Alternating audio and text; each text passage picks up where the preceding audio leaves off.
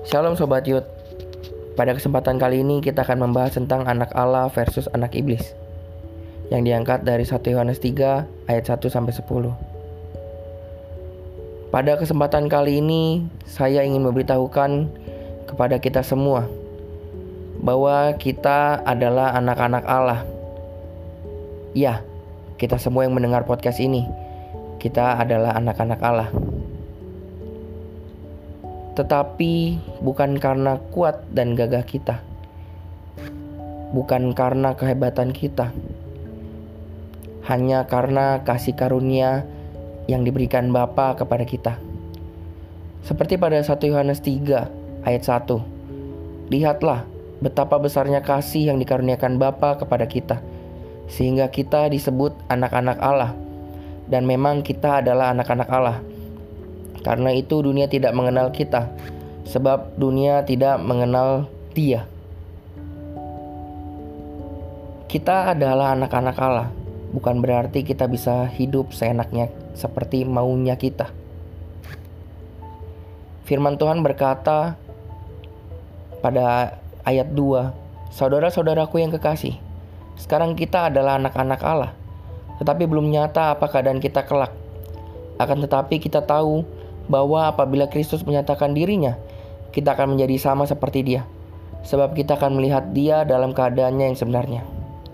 Ya, kita akan melihat Dia, kita akan mengetahui apa yang akan terjadi uh, dalam kehidupan kita ketika Dia memuliakan kita bersama-sama dengan Dia. Dengan cara apa? Dengan cara kita menaruh pengharapan kita kepadanya. Lalu kita menyucikan diri kita. Dan kita tidak berbuat dosa lagi. Karena firman Tuhan di 1 Yohanes 3 ayat 4 berkata, Setiap orang yang berbuat dosa melanggar juga hukum Allah sebab dosa ialah pelanggaran hukum Allah. Dan ayat 5 berkata, Dan kamu tahu bahwa ia telah menyatakan dirinya, supaya ia menghapus segala dosa, dan di dalam dia tidak ada dosa. Jadi ketika kita hidup sebagai anak-anak Allah, kita bukan kita lagi yang hidup, tapi Kristus yang hidup dalam kita. Dan kita menyatakan setiap perbuatan-perbuatannya yang ajaib melalui setiap perilaku kita.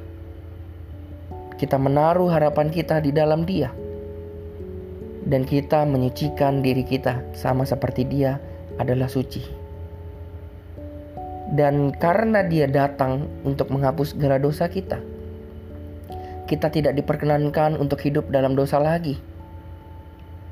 Maka dari itu, ketika kita di dalam Dia, kita tidak bisa berbuat dosa lagi. Setiap setiap orang yang tetap berbuat dosa tidak melihat dia dan tidak mengenal dia. Karena kita mengenal dia. Karena kita mengasihi dia. Karena kita anak-anak Allah. Maka dari itu kita tidak boleh berbuat dosa lagi. Kita sebagai anak-anak Allah gak boleh membiarkan diri kita disesatkan oleh siapa pun. Pada 1 Yohanes 3 ayat 7 berkata, Anak-anakku, janganlah membiarkan seorang pun menyesatkan kamu. Barang siapa yang berbuat kebenaran adalah benar, sama seperti Kristus adalah benar. Ayat 8, barang siapa yang tetap berbuat dosa berasal dari iblis, sebab iblis berbuat dosa dari mulanya. Untuk inilah anak Allah menyatakan dirinya, yaitu supaya ia membinasakan perbuatan-perbuatan iblis itu. Ayat 9. Setiap orang yang lahir dari Allah tidak berbuat dosa lagi, sebab benih ilahi tetap ada di dalam dia, dan ia tidak dapat berbuat dosa karena ia lahir dari Allah. Ayat 10. Inilah tandanya, anak-anak Allah dan anak-anak iblis, setiap orang yang tidak berbuat kebenaran, tidak berasal dari Allah. Demikian juga barang siapa yang tidak mengasihi saudara-saudaranya. Jadi saudara, sahabat muda, saya ingin memberitahu, memberitahukan dan saya ingin menekankan bahwa ketika kita berada dalam Allah, kita hidup di dalam Allah, dan kita menjadi anak-anak Allah, kita tidak akan bisa berbuat dosa lagi, karena setiap orang yang lahir dari Allah memiliki benih ilahi yang tetap dalam dirinya, yaitu firman dan ketetapannya akan tetap ada dalam kehidupan kita.